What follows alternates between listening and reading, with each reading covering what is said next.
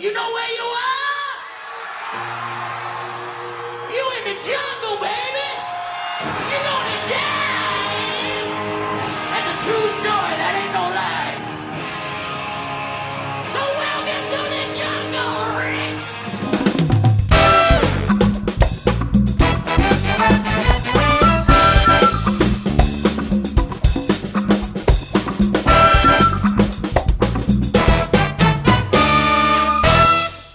Jamen, øh, velkommen til tredje episode, afsnit.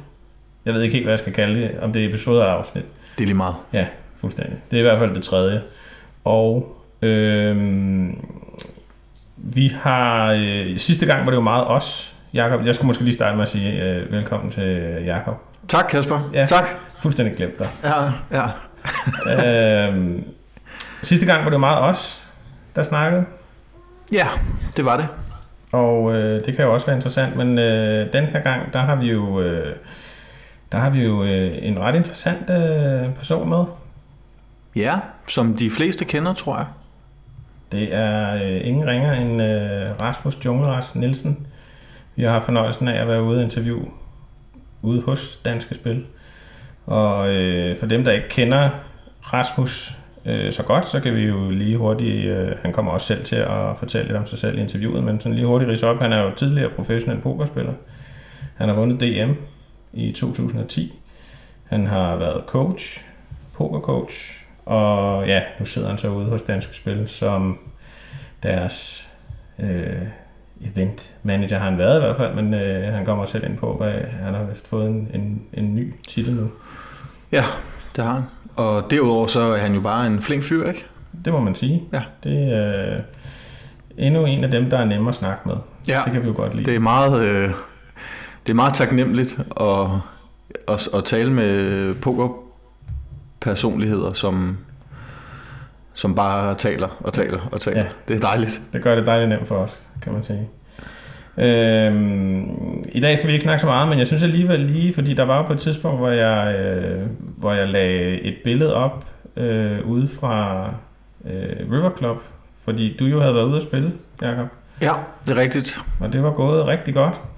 Ja, altså jeg vandt i hvert fald. Det, det kan næsten ikke gå bedre. Nej, altså det var en tirsdag aften, og øh, vi behøver ikke tale om, hvor mange der var med sådan en tirsdag aften. Så, men man skal jo vinde, når man er der, ikke? Jo, altså, men det var et sted mellem 0 og 70. Ja, det var det. Super. Så har du været ude og spille? Jeg har også været ude at spille. Ej, undskyld, jeg havde sagt til mig selv, at jeg ikke skulle grine. Nej, men det er okay. Altså, det er fint. Det var en... Øh, det var hurtigt overstået, vil jeg sige. ja, ja, ja. Så øh, ja, så jeg kørte hjem og nåede lige at få afslutningen på Vild med Dans med. Jamen, det var perfekt. Alt var godt. Ja. Alt var simpelthen godt. Ja. Ja, men det er der ikke nogen grund til at dykke så meget mere ned i, vil jeg sige. Men øh, Nej, jeg synes, vi skal kaste os over interviewet, og så kan man sige, at vi har lige en lille, en lille nyhed, når, som vi lige øh, fortæller om, når, hvis folk de kan... hvis der stadig er nogen, der lytter med. Ja, hvis der Ja. er nogen, der er tilbage, ja. efter vi har talt med Rasmus, ikke? Yes.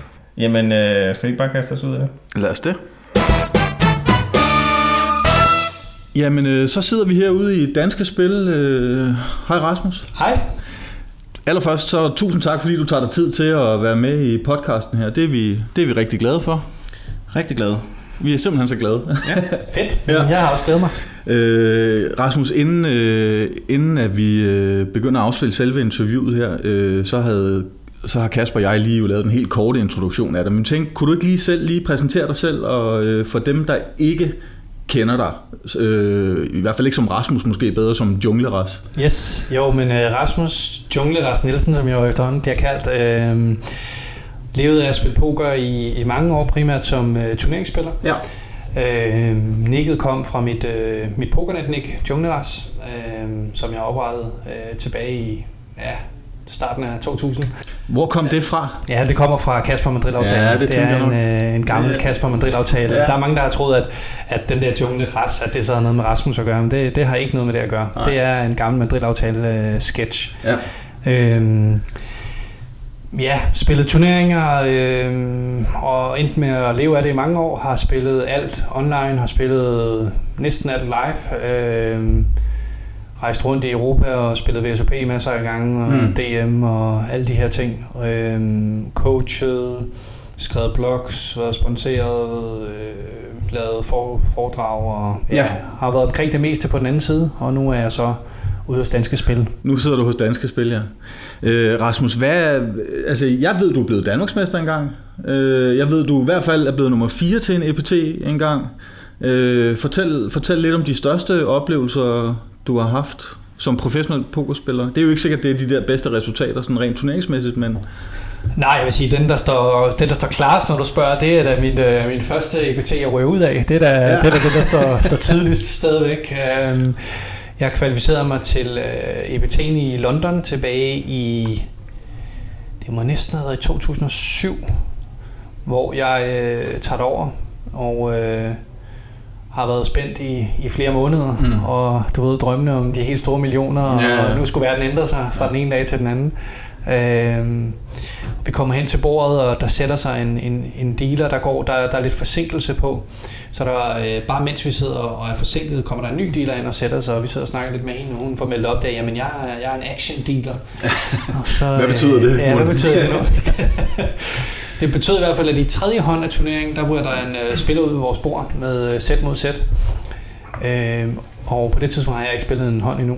Øh, hånden efter den fjerde hånd i turneringen, der var jeg spiller nummer to ud, og det er også for vores bord, og det er også med sæt over sæt. gang Og det. er så desværre mig, der Ja. røg ud. Så den første hånd, jeg nogensinde spillede ved en IPT, der røg jeg ud af, af den. Og det var... Det må være et af mine største antiklimaks i mit, øh, i, mit- i mit nu 37-årige liv. Så, øh, Ja, det lyder den, også lidt ondt. Den, den står rimelig Ja. skarpt i Ja, ja, ja. Hvad, hvad, hvad, vil du, hvad vil du betegne som dit, som dit største turneringsresultat? Øhm,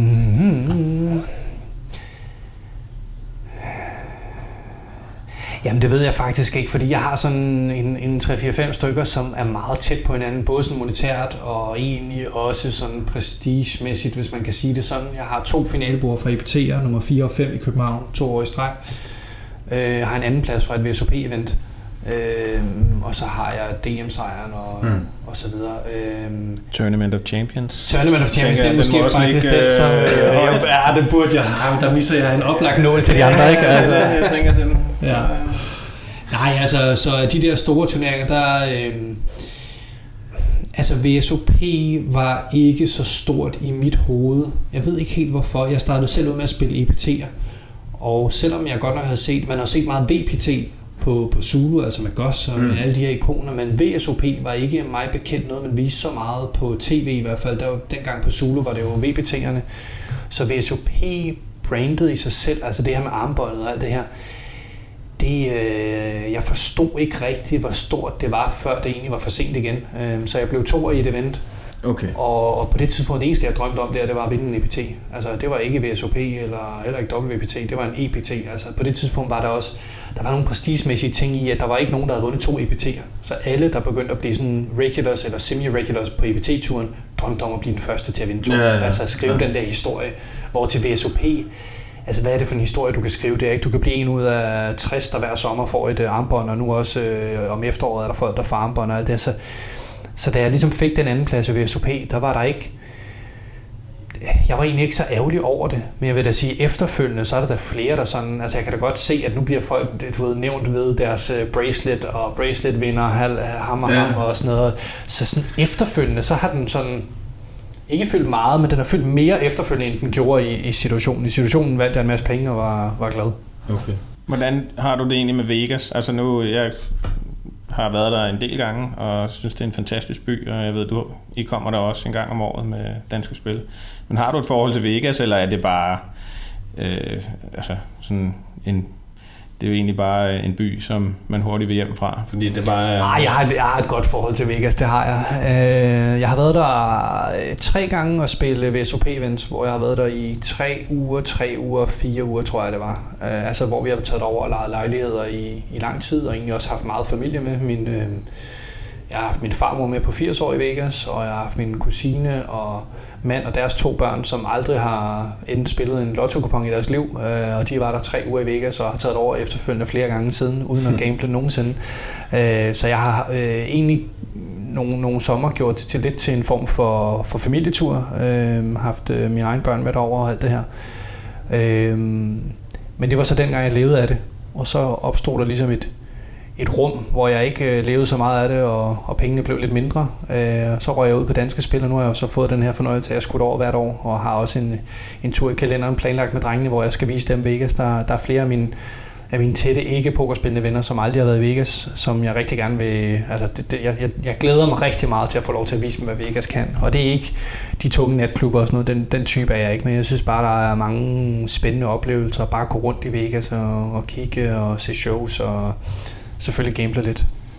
Jamen, jeg, det, altså, jeg har jo ikke nogen high roller heller, men, øh, men det der med, altså jeg synes, den kan noget sådan for alle på en eller anden måde, selvom man ikke er gambler-typen, så, øh, stor fornøjelse af. Også bare, jeg synes, det er imponerende altså, at gå rundt og se det der casino, og det er jo fuldstændig vanvittigt, store de er. Og... Ja, meget på samme måde. Altså, jeg, jeg ser engang imellem øh, nogle tråde på diverse forer og sådan noget, hvor, hvor folk spørger, ja, men kan man have sin kone med til Vegas? Og så er der folk, der siger, ej for helvede, hvis du vil det, så tager du til, så tager til Ægypten eller sådan noget, hvor jeg har det sådan lidt, jamen, altså hvis, konen kan, hvis man kan underholde sig selv på en anden strand i Ægypten i, i 14 dage, hvor man ikke laver andet end at ligge på en sandstrand. Altså, ja. Så kan man også ved poolen. Så kan man ned med også i Vegas. Altså, ja, der er der pool, og der er der shows, og der er mad, og der er, der, der, der er jo alt, altså hvis man vil det. Ja, ja. Det, det er dyrt, men der er, øh, man, man kan det ja, meste derovre. Ja. Det der med børn i Vegas er jo et emne for sig selv. Det kan være, vi skal snakke om det i en episode for sig selv. Vi kan invitere dig med igen, Rasmus. Ja, ja. Øh, men det, det er faktisk noget, som jeg har lyttet til nogle podcast mm. omkring her for nylig, hvor folk har diskuteret lige præcis det emne. Ikke? Mm. Altså, øh, Altså, jeg har været i Vegas en gang, og klokken halv fire øh, om natten kommer der jo øh, forældre gående med deres små børn i, øh, i ikke i barnvognen, hvad hedder de næste? Stroller. Ja, ja, klapvogn. Ja, klapvogn og sådan ja, ja. Der synes jeg måske også, det er sådan lige, lige klamt nok, men altså, ja. der er jo masser af ting, som børn og folk under 21 også kan tage sig til det. Ja, ja, så er der jo masser af huse og lejligheder og alt ja, andet. Ja, altså, ja, ja. Nogen, nogen, så det kan være, at du med det samme tænker, om de, det er også mærkeligt, de bor på Palladium. Det kan jo være, at de bor i et lejet hus ude bagved, og egentlig bare ja, har en helt almindelig sommerferie ja, ja, ja, en enkelt dag at se det. Ikke? Ja, så, lige præcis. Ja. Du nævnte selv lige det her med VPT på, på Zulu og sådan noget. Øhm, var det også sådan, du kom i gang med pokeren i sin tid? Øh, med på bølgen, ligesom Ja, det tror jeg. Altså, jeg er faktisk lidt i, i tvivl om, hvordan jeg startede, skulle til at sige. Jeg kan huske, jeg spillede, øh, jeg tror min første hånd, jeg spiller, øh, første gang jeg spiller online poker, som jeg husker, det var på Ladbrokes, hvor jeg vinder en kæmpe pulje som udgør mere end, øh, end det, jeg ligesom synes, jeg havde skudt ind. Mm. Så jeg er lidt i tvivl om, hvad fanden der foregår, men øh, er vildt glad, indtil det går op for mig, at det er play money, jeg har sat mig ved, og ikke ja. rigtig brugt. så, så der igen troede jeg lige pludselig, at jeg havde vundet, hvad ved jeg, 6.000, selvom jeg havde sat 200 kroner ind, eller sådan noget. Ja. Og så øh, fandt jeg ud af, at det havde jeg sgu desværre ikke, ja, ja. og så tabte jeg nok de 200 kroner ret hurtigt derefter. Ja. Øh, ja. Men ja, hele den der bølge, jeg har altid øh, spillet, altså fra jeg, altså, sådan som jeg husker min SFO-tid, så var det med fuld og Risk og øh, Cluedo og øh, Scotland Yard og hvad alle de der brætspil hedder, ja. øh, Stratego, Skak. Øh, altså, så jeg har altid øh, nyt strategispil. Mm. Øh, det er jo også sådan, jeg ser poker, og derfor er jeg stadig ved holder poker i dag, eller stadig ved spiller. Altså, jeg elsker spil, jeg elsker mm. strategispil. Altså, så det... Men du spiller stadig poker en gang imellem? Ja, det gør jeg. Udover selvfølgelig, når du lige tæver dine øh, nærmeste konkurrenter i Tournament. I Tournament of Champions, ja, jeg spiller stadig lidt online en gang imellem, når jeg kan finde, finde tid og plads til det. Øh, også lidt live, altså. Øh, vi har allerede herude øh, nogle stykker kigget på øh, juleturen på, på Marienlyst, om vi ikke skulle finde en dag at komme derop og spille. Øh. Jeg vil egentlig gerne spille mere, men du ved, i en travl hverdag med børn og arbejde, og det kender de fleste jo, at ja, så, så er det jo svært at finde tid. Vi kender det i hvert fald godt. Ja, ja. ja.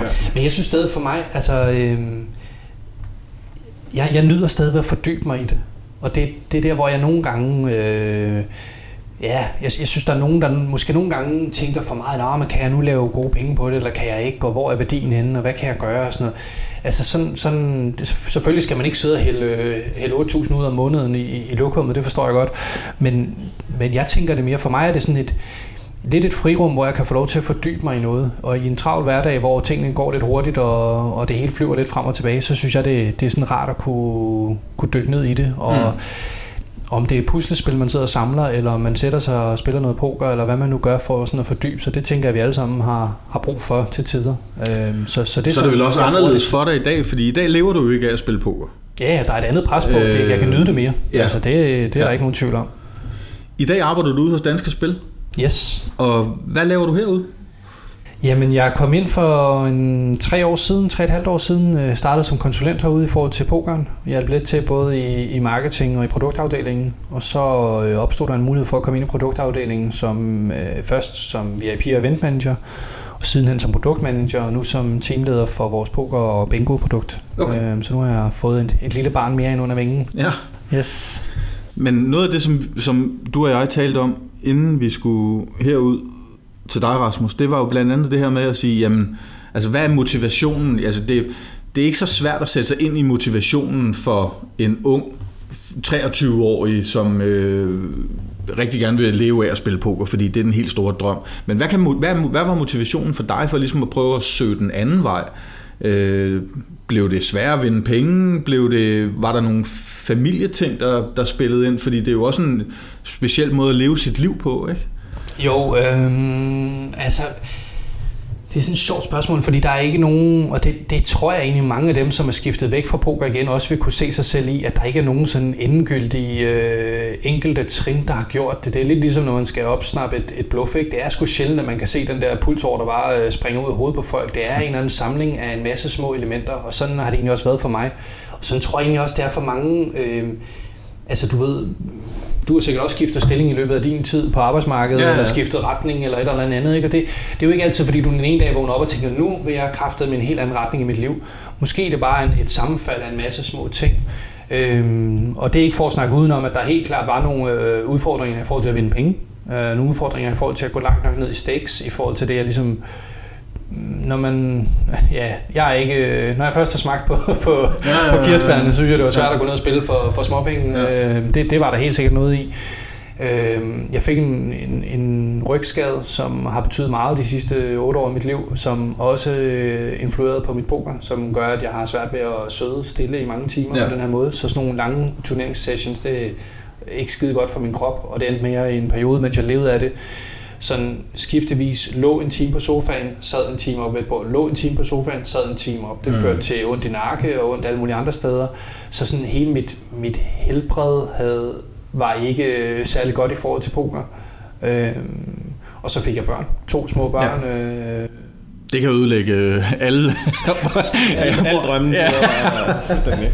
Nej, men det, er der også en, det, var, det var der også en faktor, det var der også hårdt, at, øh, Ja, og sidde og, og føle, at man havde et job, som var, øh, som var vigtigt, og hvor du ikke lige kunne lægge det fra dig, og når der så er en baby, der græder om natten, eller et eller andet, hvad, hvad gør mm. man så, ikke? Ja, det er klart. Så det var en, en lang række faktorer i det. Øh, ja. ja. Men du spiller stadigvæk en gang imellem, som ja. sagt. Vi tror du, nu, hvad, nu har du så ikke levet af at spille poker decideret, øh, hvad, to-tre år eller noget i... Ja, mere. Mere? Fem år. Okay. Tror du, du vil være i stand til at gøre det i dag? Øh, altså tænker du sådan spilteknisk, eller sådan... Ja, jeg, tænker på, at pokeren har udviklet sig meget ja, de sidste fem år, spe, ja. måske endda specielt online pokeren, ikke? Ja.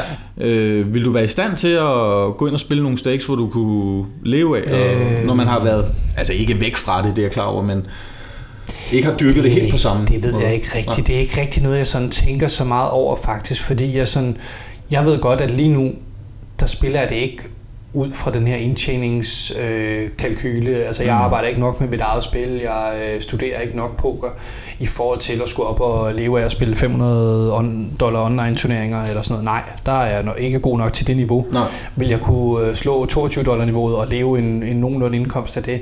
Ja, det tror jeg godt, jeg kunne. Ja. Og vil jeg kunne omstille mig til måske på sigt. Måske, måske ikke. Det kommer lidt an på det der mindset og hvor meget man brænder for det. Altså jeg, jeg nyder virkelig at, at dyrke det som min hobby nu, som et spil, jeg kan fordybe mig mm. i, når jeg har tiden til det, men ikke et spil, jeg kan lægge fire timers øh, off-table arbejde i øh, hver, nej, nej, hver, anden, nej, nej. Øh, hver anden dag. Øhm, ja. Noget, der var en anden ting, vi gerne ville spørge dig om, Rasmus. Det var, øh, altså du virker, og synes jeg jo, har altid virket som sådan et velovervejet menneske. Øh, sådan et menneske, som Altså, det er jo svært, når man primært har læst om dig i ASMAC og, og andre steder. Men, men oplevede du dengang, hvor du levede af at spille poker, at, at, at, du, at det var sådan en lidt, hvad skal jeg sige, en stigmatiseret titel? Øh, altså, oplevede du nogle udfordringer sådan i din omgangskreds, i din familie øh, omkring det?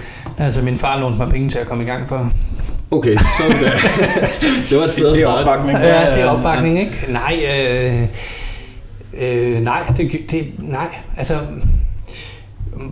på godt og ondt, så mange af de dårligdomme, der ligesom kan blive nævnt ved poker, synes jeg nogle gange, eller det, det, jeg kan jo kun tale for mig selv. Jeg har oplevet, at de kan blive måske en smule forstærket, når folk øh, taler om det, og, uh, og det er også så, så svært og alt det. Altså, Nej, jeg har sgu egentlig altid oplevet fuld opbakning, og det er både på øh, familie, og det er venner, og det er også, når jeg er ude og fortælle om det, eller sådan, altså... Jeg tænker også, det kommer lidt an på, hvilket mindset man selv kommer ind i det med. Det er klart, hvis man sidder over i hjørnet og skammer sig over, at man er pokerspiller, så, øh, så kan det godt være, at Tante Ruth, hun også øh, kigger lidt anderledes på dig, end hvis du kommer ind og fortæller åbent om det. Men Der er selvfølgelig også forskel på, hvor meget bling-bling man klæder sig ud med, og altså ens fremtoning i det hele taget. Også i perioder, hvor man måske hvor det går rigtig godt, ikke? Altså, Jo, jo, jo, min fremtoning, altså jeg går sgu i de samme t-shirts, Ja, jeg gjorde for, for 15 år siden. de er ikke skiftet ud på noget tidspunkt. Øh, Vi minder Jo. utrolig meget om hinanden. Jeg vil bare sige, at jeg er så dårlig til at købe tøj. Det er helt vildt. Jeg gør det i Vegas hver fjerde år. Ja, Ja, jeg gør fire nye t-shirts. Er det lidt. Nej, altså, men, men jeg synes, men, men som du også siger, det kommer meget an på, ja, hvilke miljøer man lige kommer i og fra. Altså, som, som sagt har jeg haft min ikke-gamblende familie med i Vegas, og min farmor har været der med derovre. Mm. Og, altså, så på den måde har der jo været en, en forståelse i familien for, at det var noget, øh, jeg brændte for, og en gang imellem kastede det også noget lidt sjovt altså for nogle af de andre. Ikke? Mm. Øh, ja, det har der sgu aldrig været noget sådan. at, nej, det, var, det er bare sjovt, fordi jeg synes jo en gang imellem, bare blandt mine kammerater, eller i, hvad skal jeg sige, i frokostpausen på, på mit almindelige arbejde og, og sådan noget. Altså hvis jeg kommer til at nævne, at jeg har været ude og, ude og spille en 300 kroners turnering øh, et eller andet sted, eller et eller andet, jamen så, så det er jo ikke fordi, der er, at folk de begynder at pege og kalde mig en ludoman, men jeg kan bare godt mærke det. Altså jeg kan bare godt mærke den der øh, sådan lidt en lille smule øh, mis, hvad hedder sådan noget, øh, altså sådan en, en, en lille snært af, nå, okay-agtigt, så du er, du er sådan en type sige, øh, så skal du bare sige, at du har vundet Tournament of Champions, så holder det kæft. Ja. Eller, ja, det, jeg, kommer, jeg kommer til det en dag, jeg kommer til det en dag. Nej, Okay. øh, nej, altså igen, jeg, jeg kan jo også bare have været vildt heldig, altså og, og færdig til nogle miljøer, hvor det ikke, altså som sagt, så øh, nu har jeg arbejdet herude de sidste tre år, det er jo ikke nogen hemmelighed, det er ikke lige frem, altså der er mange herude, der har med spil at gøre, Ja, ja, så derfor ja. er det jo ikke noget stort issue herude. Nej, nej, det er og, klart. Øh, som sagt, de venner og, og det, jeg ligesom har haft tidligere, der har det ikke været noget, øh, noget problem. Fortæl os lidt om, øh, om dit arbejde herude. Altså, du sidder jo om, om nogen i en position nu, hvor, øh, hvor du har mulighed for ligesom at præge pokerscenen i Danmark. Ja. Øh, og, og som vi også har haft op at vende i nogle af, de, af vores tidligere episoder her i podcasten, så, så er det jo, uden at kunne bakke det op med nogle tal i virkeligheden eller noget, så er det i hvert fald vores indtryk, at online-pokeren har jo i en årrække øh, været nedadgående med færre spillere, meget mindre hype omkring det også i det hele taget, men hvor live-pokeren måske i virkeligheden har er på vej i, op, i en opadgående retning. Altså, de sidste par år ved jeg da i hvert fald, at I har haft flere deltagere til DM i poker. Mm. Øh, og sådan noget. Hvordan, øh, hvordan ser du verden ud fra, fra det perspektiv, du nu har i, i dag? Øh, jamen, din opsummering er 100% korrekt. Øh, online poker er nedadgående, og offline poker, i hvert fald live poker i de større turneringer, det ser vi også på tværs af IPT'er og VSOP og sådan noget opadgående. Øhm, jeg forstår det til nøds godt. Øh, jeg, jeg tænker meget, det handler om ligesom at ændre det mindset, som man går ind til pokeren med. Hvor, som du selv var inde på tidligere, så en, en 23-årig knægt for 10 år siden, han drømte om at leve af poker. Mm. Det gør en 23-årig knægt ikke i dag. Han drømmer om at blive den næste astralistjerne eller et eller andet. Altså, Ja. det, hver verden er en anden. Øhm, Så det, jeg tænker meget i i forhold til danske spil, og det vi rigtig gerne vil, det er jo at, at udbyde de her Selvfølgelig vil vi gerne udbyde muligheden for det store klonk. Mm. Altså har du nogle satellitter til en stor turnering, og kan du lige pludselig vinde en helt stor gevinst, der kan ændre noget i livet for dig. Det vil altid være en del af pokeren, at du ligesom har den her drøm om at vinde en stor gevinst. Øhm, men det sker ikke ved, at du grinder 800 timer om, om, om dagen længere, som det gjorde dengang. Mm. Men derudover, så, så tænker jeg meget i, altså i unikke oplevelser. Og Det kan både være øh, rejser, det kan være altså vores tur til Vegas for eksempel. Øhm, altså det handler om at give og tænke på poker som et sted, hvor jeg kan få nogle muligheder for at få nogle oplevelser, jeg ikke kan finde andre steder, eller måske den helt store gevinst. Sådan tror jeg, at mange hobbyspillere tænker det mere i dag, end de gjorde for 10 år siden, hvor jeg tror, at mange hobbyspillere stadig vil tænke, ah, men hvis nu det lige går lidt godt, og jeg lige tager mig lidt mere sammen, og bum, hvem ved, måske kunne jeg så droppe mit arbejde og leve af det. Ja. Den, den, den tror jeg, der trods alt er færre, der, der tænker nu. De har en erkendelse af, jamen, og måske også en lyst til, altså en, en forståelse af, at det er faktisk pisse fedt at arbejde, øh, og have, have den her sikre indkomst og alle de her ting, og så kan man tage ud og spille nogle live-turneringer en gang imellem, Ja. når man har Ja. hyggen og tiden, ikke? Det må vel også have været, altså nu tænker jeg DM øh, og øh, Alexander Hansen, der vandt i år. Altså det er jo sådan lidt, han er vel sådan lidt det danske svar på Chris Moneymaker, tænker jeg. Ja, Øh, sindssygt god historie. 5,5 dollar kvalifikant inden for os af, der går hele vejen. Og det synes jeg også fortæller noget om. Øh, altså, vi ser jo tit, at der er en, en 3-4 af de her gamle, store profiler på et finalebord til både DSMPT og til DM, men vi ser også ofte og ofte, at der er en 3-4 stykker, man ikke lige har hørt om før, man ikke lige kender. Øh, og jeg tror egentlig, at sådan pokerniveauet i Danmark også over årene er blevet udjævnet lidt mere. Altså, der er ikke, øh, der er ikke kun fem, der kan vinde DM, eller, eller 15, eller sådan. Altså, det, det, der er alle kan sgu vinde DM. Det, det kunne man også i gamle dage, men, men du ved, jeg, altså, det er jo den generelle tendens, man har set i pokeren, det er, at den dårlige spiller er blevet bedre øh, på tværs af, af alle former, online og offline. Øh, Bundniveauet er noget er røget lidt i vejret. ja, det er det. Det var... Det er det. Men, men jeg ser egentlig, altså det der, hvor den største udfordring selvfølgelig er for sådan en som mig, det er, at, øh, at det vi gerne vil, vi vil gerne være dansk poker. Altså det er sådan helt Ja. ja. grundlæggende vores, vores, vores håb og vores drøm. Vi prøver at støtte op om alt, hvad vi kan i Danmark. Vi prøver at lave, øh, altså sponsorere alle de events, vi kan, og, og, og ligesom, vi vil gerne ud og støtte op om øh, pokernetmesterskaberne, eller facilitere det på vores platform. Vi vil Ja, gerne støtte op om øh, ja, alt, hvad vi kan støtte op om. Hold Ja. DM og alle de her ting. Udfordringen er selvfølgelig, at hvis indtjeningen går nedad år for år, at så kommer vi Ja, til et tidspunkt, sværere og hvor, øh, hvor der ikke er indtægt nok til at lave ting.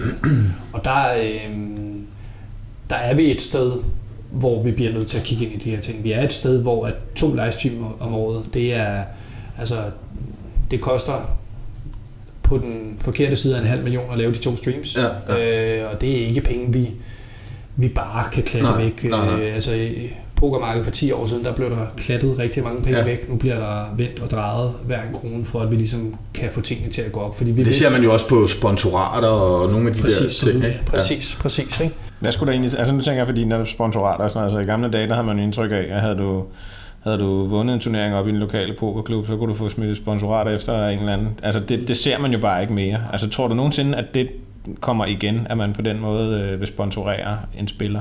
Nej, det er det korte svar. Altså, øh, hvis ikke vi får vendt bøtten i forhold til indtjening, og, og man kan se nogen, der kan drive det. Altså, jeg vil sige, hvis du, hvis du finder en, en, en dansker, som er dygtig til at drive en, en platform, hvor man kan promovere spillet, så vil vi jo gerne putte nogle penge efter at promovere spillet, skaffe, altså få nye spillere og alt det her. Øh, men der er ikke særlig mange, altså mange af dem, som, som lever af det, eller har levet af det, eller semi-lever af det, de bliver også hurtigt meget øh, værdifokuseret, og har Ja. måske nogle krav og nogle, nogle ønsker, som, som vi slet ikke kan være med på. Altså i det leje, de, de par henvendelser, vi har haft de sidste par år, det har været i nogle, i nogle leje, vi slet ikke kan være med på længere. Ja. Øh, og vi, man skal huske på, at vi er, altså vi er kun et dansk brand. Hvis vi var et internationalt brand, altså partypoker, som vi jo er på netværk med, som vi samarbejder med, øh, deres partypoker live har faktisk taget mange ambassadører de sidste par år. Mange af de største. Altså, øh, ja, faktisk mange af de største stjerner derude. Så de, de kører stadig på og faktisk begyndt at opjustere lidt på den her front. Men de er også et internationalt brand, som er på tværs af alle. Ikke? Og vi er altså kun i lille I Danmark. Danmark. Ja. Det er det samme problem, vi har. Ja. Jamen, jeg sletter lige det næste spørgsmål omkring sponsorat af, af podcasten her og hopper videre. Du fik svaret. Ja. øhm, nej, jamen, altså naturligt i forlængelse af, så kan man sige, så, så, øh, så, så kan man, altså der er jo, der er jo, der er jo pokerklubber rundt omkring i Danmark, som jeg synes også, man ser, hvis man kigger lidt på Facebook eller, eller andre steder, øh, fungerer rigtig godt. Der er, nogle, der er masser af lovlige øh, klubber derude, som afholder deres øh, tre ugenlige turneringer og, og så videre, så videre. Og, og der er også nogle nogle andre klubber øh, ude i verden, eller ude i landet. Øh, hvordan har du det, hvordan ser du på det? For jeg, vi talte i hvert fald om, Kasper, det her med, at jamen, dels er det jo en konkurrent til danske spil. Altså hvis jeg tager ud øh, i River Club, som jeg var i sidste uge, øh, og, og spiller en lille turnering derude, så sidder jeg jo ikke hjemme foran min computerskærm og, og spiller på danske spil øh, online. Øh, men omvendt er det jo er det vel også jeres interesse og din interesse, at at, at, at pokeren blomstrer, hvad skal jeg sige, sådan i undergrunden og sådan rundt omkring, ikke? Altså, jo, ja. du har fuldstændig ret. Det er da et, om ikke et dilemma, så i hvert fald øh, noget, noget vi også arbejder med. Øhm, man kan sige, mange af de små klubber øh, i forhold til, eller ikke små klubber, men mange af de klubber, der er derude, er lovlige klubber. Øh, det er svært at bygge nogle samarbejder op. Der har jo været de her øh, DAPT og ja, så videre, ja. internet, altså turneringer der på tværs. Men det er, det er en udfordring at lokke live-spillere til at spille online. Øh, ja. Sådan helt grundlæggende. Ja. Øh, der er hybridspillere, der spiller begge dele, og dem prøver vi selvfølgelig at, at imødese ved at have en masse satellitter til vores live-turnering ja. hos os. Ja. Men det er, en, det er lettere at logge en online-spiller til at komme ud og spille en stor live-turnering, end det er at logge en live-spiller til at komme ind og spille online. Ja. Øhm, så, så værdien i sådan et samarbejde kan være svært, og det kan være svært, når der kommer en klub og siger, hey, kunne I ikke tænke jer at hjælpe os? Vi skal bare lige bruge fem nye pokerbord. Ja. Jo, altså fem nye pokerbord, det, det er altså ikke gratis, og hvordan, hvordan får vi ligesom den indtjening hjem? Altså er det fem nye kunder, I kan hjælpe os med? Er det 100 nye kunder, ja. eller hvordan, hvordan kan vi se på det? Ja. Øhm, og hvilke typer af kunder, altså ja, det er jo også altid ja. super svært, ikke? Og, og så de her mere tværgående samarbejder, altså vi ville faktisk gerne lidt mere, øh, vi havde også for nogle år siden sådan et, et koncept, der studiemesterskaberne, hvor man tog på universiteterne i forbindelse med opstart og lave det. Der er også, det er også blevet sværere i Danmark at opstøve mennesker, der kan hjælpe med at facilitere det. Ja. Altså vi er på pokerproduktdelen lige nu, der er vi halvanden mand. Ja. Altså, jeg sidder på tværs af to brands, og så har jeg en specialist, der laver poker. Ja. Så har vi selvfølgelig støttefunktioner af nogen, der har øh, otte forskellige brands, der skal hjælpe med noget content og noget somi og noget marketing og sådan noget. Men, men sådan rent mandskabsmæssigt, så er vi vi er ikke så mange. Nej. Og mange af de her live-aktiviteter, de kræver noget, nogle mandskabstimer. Altså det kræver en, der kan stille op ude på et universitet og hjælpe med at facilitere en, en pokerturnering for nogen, og lige sige forresten, her er også en flyer, hvis I har lyst til at komme ind hos os og spille. Mm. Og der øh, har vi tidligere haft nogle samarbejder, og de samarbejder, de er jo bare færre og færre desværre, og det er svært, svært at støve dem op. Altså, jeg, jeg, jeg sidder bare og nikker. Øh, jeg har arbejdet en del med, med bridge, i, både øh, som hobby, men også professionelt faktisk, og, og det er jo nøjagtigt de samme øh, problemstillinger sådan i bund og grund. Hvad, ja. hvad gør man for at skaffe nye spillere i ja. virkeligheden? Ikke? Fordi jamen, der ryger jo nogen ud i den anden ende hele tiden, som enten stopper eller ja. stopper af den ene eller den anden årsag i virkeligheden. Ikke? Øh, så, så, så den der fødekæde skal jo på en eller anden måde holdes ved lige. Øh, og, og der er det sådan meget naturligt at spørge om måske, Rasmus, hvordan, når vi, hvis vi lige kommer tilbage til online-pokeren, decideret, altså hvordan ser du den? Altså der er jo en masse snak om, I har lavet nogle tiltag i forhold til solvers og øh, heads-up displays og alverdens ting og sager, ikke? Ja. Øh, det er ikke mere end et jeg kan ikke huske, om det var i går eller i forgårs, at jeg læste omkring nogle, om det var russere eller hvor de kom fra, det ved jeg simpelthen ikke, men som havde lavet et eller andet øh, system, hvor de nærmest kunne få et solver-system til at, at løse spillet live, mens de spillede online, eller hvad skal, med nogle computer og noget værk, der talte sammen. Jeg har ikke helt styr på det. Altså, hvor, hvordan ser du hele det der? Øhm, jeg, øh, for det første, altså jeg anerkender 100% at der er nogle, nogle problemstillinger her, vi skal tage meget alvorligt. Det synes jeg også, der bliver gjort. Mm. Øh, jeg synes nogle gange, at det kan næsten blive få lov til at fylde for meget. Ja. Øh, Partypoker, det netværk, vi er under, vi lider under, at vi i nogle år, eller måske en del år før, før min tid, ikke tog det her særligt seriøst. Og det har givet et meget, meget blakket ry. Mm. Øh, og jeg kan indenfra 100% sige, at over de sidste par år, hvor jeg har været ansat, der, der er der sket sindssygt meget. Øh, jeg kan ikke sidde og afsløre, hvad kan man sige, alle redskaber og alt muligt andet, men det er alt fra, at de, at, øh, altså de, de de kører for eksempel også de her GTO-programmer igennem. Det vil sige, har du siddet og spillet 100% perfekt, så kan de altså godt se, at du har spillet 100% perfekt. Ja, ja. Hvis du har spillet 100% perfekt, så kan du være helt sikker på, at din konto bliver endevendt fra den ene ende til den anden. Men det kan jeg da ikke forstå, at den ikke er blevet endnu. Så. Nej, det, det, det, det er meget mærkeligt. men blandt andet så sidder de og, øh, dagligt og har videosessions med folk, der skal Ja. sidde og vise live, at de kan spille poker. De Okay, okay. sidder og laver ja. verifikationer af konto. Ikke bare af dem, de tror snyder. De starter simpelthen oppefra i fødekæden og går nedad og siger, hvem omsætter for mest på partypoker? Og så sidder de og kigger den konto igennem, kigger på gameplay, kigger på øh, hvad hedder det, statistikprogrammer mm. i forhold til, hvordan de spiller. Spiller de 100% perfekt, altid det samme stakes, altid det her, kan de ikke finde dem online, er der ikke nogen social profil, bum, er du sød lige at vise os, at du rent faktisk Ja. kan spille det Ja, ja, ja, ja. Og så sidder de og, øh, og monitorerer det på den måde, Ja. ja. øh, tager ud og møder dem til live events og Ja. snakker med dem. Øh, altså simpelthen både sådan, så vi prøver at fange snyder, men egentlig også whitelister nogle af de mennesker, som, som godt kan finde ud af at spille Ja. ja. 20 bord og spille relativt tæt på GTO, Ja, ja, ja, ja, eller spille godt, fordi de har ja, uddannet ja, sig i det. ja. Øh, Men det er så den ene del af den. Det er det, til så de der med robotter og nogle af alle de der ting. Men den anden del er jo også bare, at der er en del snak om, at No Limit Hold'em i hvert fald måske er mere eller mindre løst, ikke? Altså, øh, og dem der, dem der får, sådan har det måske været i mange år, altså dem der virkelig formår at bruge øh, poker tracker eller hold'em manager og de statistikker, der kan, man kan have i den sammenhæng, jamen de har bare en enorm fordel frem for os, der ikke formår at bruge det korrekt. Øh, Ja, hvis du Og- satte dig op på nogle limit 10.000 og satte dig med, med 100.000 dollars og spillede mod verdens bedste online-spiller, der havde lært at bruge de her programmer, så ja, Ja. ja. så vil du virkelig have en stor disfavør. Spiller du dit No Limit 25 Zoom, Mm. så vil jeg våge den påstand, at det nogle gange bliver blæst lidt ud af proportioner, Ja. hvor stor en fordel en eventuel spiller, der kan benytte statistikken en lille smule bedre, end du kan. Ja. Men det synes jeg, bare- det synes jeg måske også bare er et vigtigt budskab i virkeligheden. Ja. Det der med at sige, jamen prøv, nu at, prøv nu at slappe lidt af og nyd, nyd spillet. Og... Ja, men det, er også, det, det, det kan jo godt komme lidt hul, når det kommer fra mig. Det, det kommer lidt fra den, hvad kan man sige, den forkerte side af skrivebordet. Ikke? Øh, Men det er sgu lidt mere sagt som pokerspiller, end som, end som ansat. Men, Ja. men ja, det, det, det er et farligt område at negligere. Det ved jeg godt. Ja, ja, jeg ved jeg godt, jeg træder lidt i, i, i, i et minefelt lige nu. Øhm, så det skal, ikke, det skal ikke forstås som om, jeg negligerer problemet, fordi det er virkelig noget, hvor at det, det er der, de øh, har ansat suverænt flest de sidste to år. Der, jeg har været over at besøge, de sidder nu, øh, jeg tror de er, sidst jeg var derovre, der var de 10 gutter, der sidder mm. i England, øh, som alle 10 er tidligere professionelle pokerspillere. Så nu er de, de har et, et meget, meget stort, øh, hvad kan du kalde det, dataredskab, noget der hedder e-protector, de har bygget op over de sidste tre år. Det, der har de fået sat en masse regler ind for, hvad skal det her holde øje med det her. Men nu er de så samtidig suppleret op med et team af tidligere professionelle pokerspillere, der så rent faktisk forstår 100% hvad er det for nogle mekanismer, man går efter. Ja. Man kan ikke bare sige, at folder du SS preflop, så er du en snyder. Nej. Den verden, den, der er vi ikke længere. Det dem, der gerne vil snyde, de forstår godt, at, øh, hvordan man Ja. også kan, kan lave sådan nogle ting her. Ikke? Så nu har man professionelle, eller tidligere professionelle pokerspillere, der sidder og monitorerer whitelister, øh, laver altså mange af de her ting. Og det er sådan noget, der virkelig har taget fart over de sidste par år.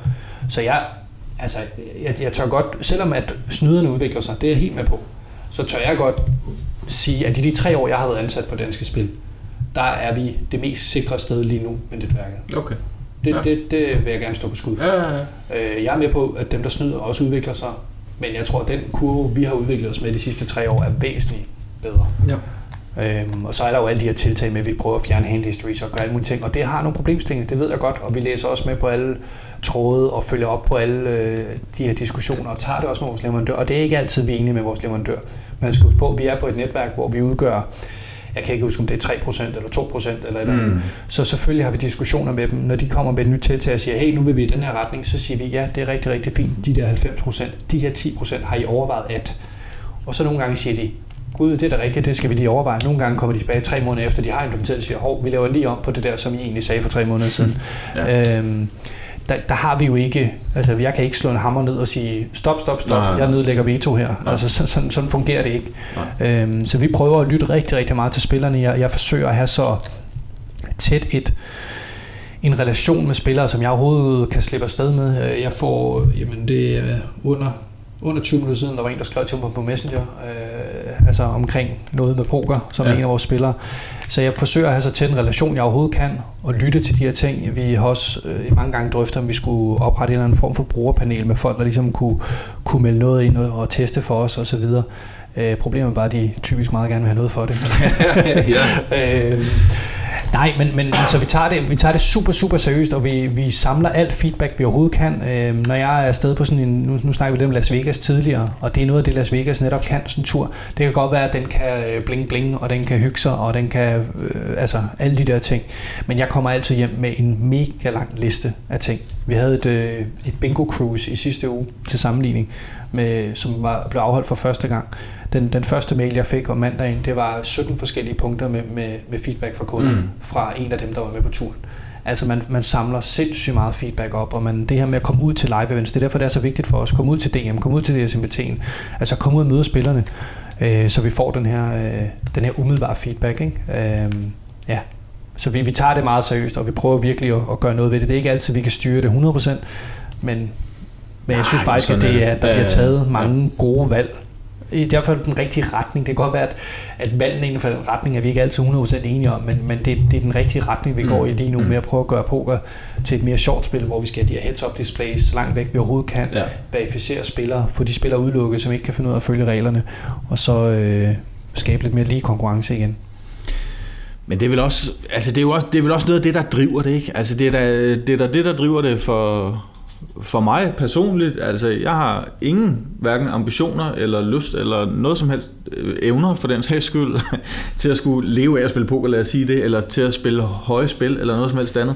Øh, det er fordi, det er sjovt. Det er fordi, det er sjovt. Det, det er super socialt spil, og det kan det også godt være, selvom det foregår på computeren i virkeligheden. Ikke? Og, og, altså det, og, og, og noget af det der med, for the love of the game, eller hvordan man nu lige vil, vil udtrykke det, det, det er måske også noget af det, som jeg personligt i hvert fald har savnet lidt i hele den der, de sidste års snak omkring alt muligt. Øh, fra robotter til heads-up displays til kroner. Jeg tror også, det der, altså jeg, jeg spiller meget, meget lidt online, det sker en gang imellem, men primært så synes jeg, det er sjovt at komme ud og spille poker, netop både de sociale ting, men også fordi man, altså det er lidt mere mand mod mand føler man. Altså, man ved sgu ikke rigtig, hvem det er, man sidder og spiller mod på den anden side, og nu siger du, at man nok ikke skal forvente, at det er de små stakes, øh, de sidder og, og laver alle de der store øh, snydeprogrammer til.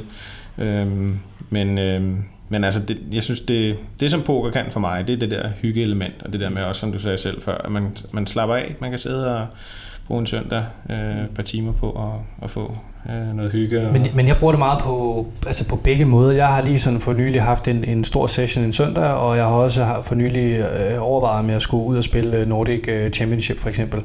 Og for mig, der er det... Men det er, jo, det er jo fordi, jeg selv kommer fra den her online-verden, hvor jeg har spillet så meget online, mm. som jeg har. Men, men den her ja, jeg får selv personligt en større fordybelse, når jeg spiller online, og jeg får et mere socialt element, når jeg spiller live. Altså online, så kan jeg spille øh, mange turneringer ad gangen. Jeg kan afsætte meget tid. Jeg ved, jeg ikke er ude efter fire hænder, eller hvad skal jeg så lave bagefter, når jeg har røget ud og alt det her. Altså der har jeg ligesom afsat 8 timer, og jeg kan blive ved med at fylde øh, nye turneringer på, og ligesom få den der turneringsfordybelse, som jeg synes er, er, altså specielt som turneringsspiller, hvor det der med, så hvis du loader 20 turneringer op, så er der også lidt større chance for, at du får et, et short endgame, ja, hvis du tager ud og spiller en live-turnering hver, hver tredje måned. Ikke? Øh, så, det, så det får jeg mere sådan fordybelse ud af. Til gengæld elsker jeg også at komme ud og, og få det sociale, ikke? og det er derfor, vi allerede øh, fire mand i afdelingen har snakket om uh, Marienøst her den 27. december. Ikke? Altså om, skulle vi lige ja. se, om vi kunne komme afsted der. Så jeg, jeg bruger stadig begge dele, men jeg føler egentlig også, at jeg får lidt noget forskelligt ud af de to dele. Mm. Ja. Nå, nu har vi jo været lidt rundt om øh, sådan øh, hele danske spil og sådan den lidt mere seriøse del af det. Øhm, her til sidst, øh, Rasmus, har du en eller anden pokeranekdote, som øh, du tænker, du vil dele med lytterne, som er en, der måske ikke er... Øh, der må, uden at nævne navn, du behøver sikkert at nævne navn, du må også godt nævne navn, hvis der er nogen, der lige skal have en, øh, en nål et sted, men... Øh, den er sgu svær. Så det må ikke være noget om mig selv, det skal være noget om nogle andre? Nej, du må, det bestemmer du helt selv. Det er en god historie. Bare en god røverhistorie fra, fra, fra pokerverdenen. Øhm, det synes jeg faktisk er en smule svært. Øh, Jeg har ikke været en del af nogle af de her meget sindssyge prop bets og alt muligt andet. Ikke nogle af de rigtig sjove i hvert fald. De der, hvor folk skal cykle i 24 timer for at komme fra København til Aarhus eller et eller andet. Seven Days to Vegas har jeg lige hørt, der er lavet en film om. Øh, ja. Ja. Ja. Nej, men øh, på den måde har jeg sgu ikke været med i så mange. Jeg har engang lavet et... Øh, altså mit suverænt dårligste sådan prop bet, og som virkelig har været en, en huskelusing for livet, det var øh, Kipster, den gode Kipster, der fik lukket mig direkte i en lortefælde. Øh, han, øh, vi sidder til VSOP i main event, øh, og han ryger ned i... Vi har måske en startstack på 30.000, og han er nede i 3.000 eller et eller andet 2.000. Eller en håbløs, der jeg sidder med startstack. Og så får han lukket et øh, 1-10 bet ud af mig øh, på, for 1000 dollar. Øh, og så får jeg dobblet ham, øh, jeg tror jeg dobler ham to gange, inden jeg så selv rører ud. Og skal så, udover forlade VSOP i mindevendt, lige aflevere 10.000 dollars til den øh, lille... og sådan, altså, det, det der med at udbyde øh, odds til venner, det har virkelig lært mig. Altså, de, de 1.000 dollars, de havde, altså, de havde virkelig betydet meget, meget, meget lidt for mig, når han havde rejst op, og jeg og havde vundet. Fordi enten var jeg videre i VSOP i mindevendt, eller også var jeg røget ud og Ja. tabt 10.000 dollars. Så altså, de 1.000 dollars havde fuldstændig ligegyldige. De 10.000 dollars, jeg afleverede til ham, det er suverænt de penge i mit liv, der har gjort De gjorde nas. det er dem, der har gjort suverænt mest ondt. Øh, Så det er en lesson for life, uanset hvad folk de vil bet mod mig og alt muligt andet. Vi kan godt tage nogle even bets eller et eller andet, men jeg kommer aldrig til at give øh, høje odds på noget som helst i livet. Vil du ud med, hvad, hvad, hvad den højeste pot, du nogensinde har vundet er? Øh, ja, men nu er jeg jo primært turnéspiller. Jeg har jo også spillet meget PLO i perioder. Jeg kan sgu ikke huske, hvad den største pot er. Jeg kan huske, at jeg har engang øh, tabt øh, 80.000 dollars på en, på en dag, og har vel vundet 100.000, altså i cash mm. mm. øh, da jeg var oppe og spille halvhøjt PLO. Ja. Øh, online turnering, tror jeg, den største gevinst er 150.000 dollars. Okay. Det er også meget pænt. Og så har jeg så også yeah. prøvet halvandet år at rejse rundt til samtlige EBT'er og VSOP, og der tror jeg, jeg smed jeg tror, jeg regnede ud omkring 150.000 euro i buy-ins, og så kan du så lægge øh, rejseudgifter, Rejseomkostninger hotel og og alt muligt andet oveni, med 0 cashes. Ja. Så, øh, Ja, så er det godt, der kører lidt PLO på, øh, ved siden af. så det, det, det har sv- svinget lidt i perioder. Ja, sådan er det jo bare. Ja. Øhm, Rasmus, tusind tak endnu en gang, fordi du tog dig tid til at, at tale med os. Inden, lige, nu afbryder jeg lige hurtigt. Ja. Øh, Inden, vi har jo vores playlist. Ja. Jeg Ja, virker ja. som om, jeg er den eneste, der går op i den playlist. Nej, jeg skulle lige til at spørge om Ja, det. okay, godt. Du spørger om det. Nej, nej, det gør du. Okay. Det er din playlist. Ja, det er vores playlist. Nå, anyway, vi har en playlist inde på Spotify, hvor Yes. vi prøver at lave den ultimative homegame playliste. Så når du laver øh, homegame, så smider man bare den på, og så er der øh, pokerstemning. Øhm, og så prøver vi altid at få vores gæster til lige at smide et nummer eller to på. Øhm, så vi vil også gerne spørge dig. Ja. Har du et yndlingspokernummer, når du sidder Ja. og spiller? Det, det har taget mig mange år ligesom at embrace øh, popsiden af mig selv. Altså i mange år så, øh, du ved, Rage Against the Machine og Nirvana, der er vokset op, og hiphop og alt det der, ikke? Så at indrømme endda sådan her offentligt, at Justin Timberlake kan være på, øh, på playlisten, det, er- det, det har taget mange år. Men uh, Cry Me a River var selvfølgelig i de år, hvor jeg spillede øh, et nummer, der var på playlisten. Så Cry Me a River, Den lægger vi på, vi den lægger vi på. Rasmus, Når, hvem, øh, hvem vil du, øh, hvem- hvis du skulle lytte til næste afsnit af Pokercast.dk, hvem vil du gerne høre et interview med eller en snak med? Øh, det er spændende. Der er jo mange, som har levet af poker, som ligesom er kommet et andet sted hen øh, med deres, i deres liv. Ja. Og det, det er jo altid spændende med de her sådan, portrætter Ja. øh, ting. Men jeg synes egentlig, nogle af dem, som måske faktisk stadig holder fast i pokeren, øh, lever af det endnu. Ja. Øh, som, ja, altså så en, en pokerspiller, der har været i det i nogle, i nogle år efterhånden, men som stadig holder fast. Hvad, hvad er drivet? Hvad, Ja. Hvorfor? Hvad Ja. er det, man... Er det, er det penge? Er det Fame and Fortune, spillet? eller- Er det- ja, ja, spillet, ja, øh, ja, ja. Det, det synes jeg kunne være spændende. Altid. Vi må kigge på en liste. Ja. Der, Vi ringer rundt. ja. Tak skal du have, Rasmus. Det var fantastisk. Tusind tak for tak din for i dag. Det var Jungleras. Ja, det var det. Rasmus Nielsen. Det var... Ja, tak til dig, Rasmus. Det var fantastisk at være inde og, og tale med dig. Det var super spændende. Det synes jeg faktisk. Der var, øh, der var der en masse ting, som overrasker mig lidt. Ja. Øh, blandt andet det der med, at de har folk siddende til at øh, holde øje med, om folk rent faktisk kan spille poker. Det synes jeg, der var... Det var da sådan en rimelig øh, interessant oplysning. Det var det. Og så, altså det, der, det, som jeg gik derfra med, og det, jeg har tænkt over efterfølgende, det er den der grundlæggende holdning til at, altså som, som Rasmus prøver at sige det her med, prøv, prøv nu bare at nyde spillet, og Ja, ja. have det rart med det, og altså uanset hvilket niveau man så er på, det, det synes jeg egentlig er meget fint, ikke? Jo, det, øh, det er nok også den tilgang, som øh, de fleste af dem, vi, vi, vi laver det her for, nok har. Det håber jeg, det håber jeg. øh, ja, ja, det håber vi. Øh, jeg synes da også, det var interessant, øh, at han øh, var blevet tørret i den grad af, af Kipster.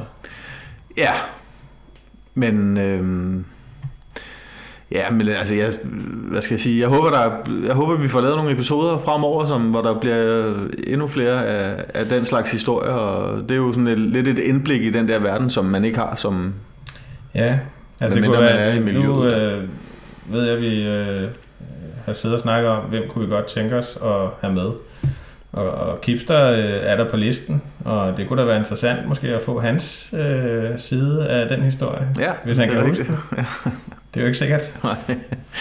Men øh, Men altså generelt så, så har, har vi tænkt over, Kasper og jeg, at, øhm, at hvis man sidder derude og tænker, altså hvordan kan man tage ud og tale med jungleras uden at lige at spørge om det og det, så skriv lige til os og, og give os et hint på, hvad det er for nogle spørgsmål, I godt kunne have tænkt jer, vi havde spurgt om, for det kan være, at vi får muligheden for at tale med ham igen, og, og derudover så vil vi jo også gerne lære lidt til fremtiden.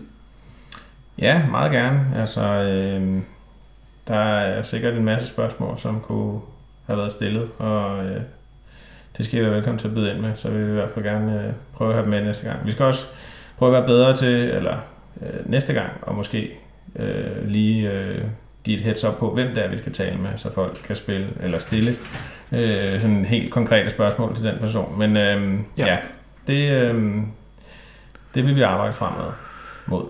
Det vil vi.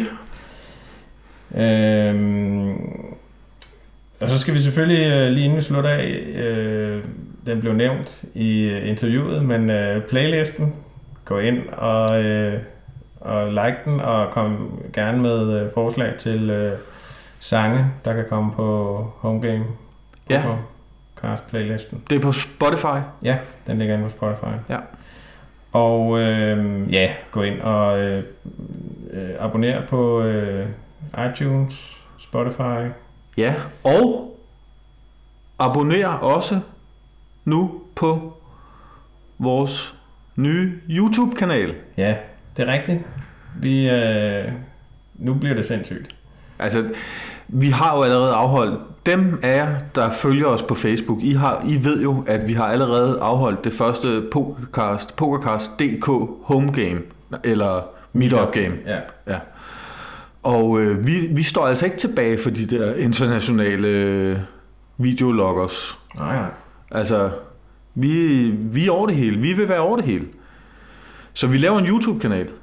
Det bliver ligesom Disney-koncernen på et tidspunkt. Vi er alle steder. Ja, Med alt. ja. Og merchandise og det hele på et tidspunkt. Det kan heller ikke være så længe, som Nej. det har gjort. Nej. Men øh, ja, YouTube. Øh, vi tror, den hedder Pokercast.dk. Ja. Øh, det er i hvert fald det, vi har forsøgt. Øh, men øh, hvis noget ændrer sig, så skal vi nok lige sige til jer. Ellers så linker vi til den, øh, både på Instagram og på Facebook, hvor man selvfølgelig også er velkommen til at gå ind og øh, subscribe og abonnere og like og hvad det ellers hedder alt sammen. ja. Facebook er et rigtig godt sted, vil jeg sige. Ikke? Øh, der smider vi vel også videoerne op efterhånden, som de kommer på YouTube. Jo, vi linker Eller linker. til det hele. Ja. Det, øh, Facebook er ligesom epicentret, og så alt andet, det ligger sådan rundt om. Ja. Det, øh, ja, det skal nok blive godt. Men øh, ellers er der vel ikke så meget andet at sige end øh, tak for den her gang, og vi regner med, at vi kommer, eller det gør vi, vi kommer med et afsnit lige før jul. Ja, det gør vi. Et juleafsnit. Et juleafsnit. Øh, så I skal ikke vente så længe den her gang. Fy her, var. Ja. Det ved jeg, der er nogen, der vil være rigtig glad for. Øhm, men ellers er det vel bare det. Det var det. Tak for nu. Tak for nu.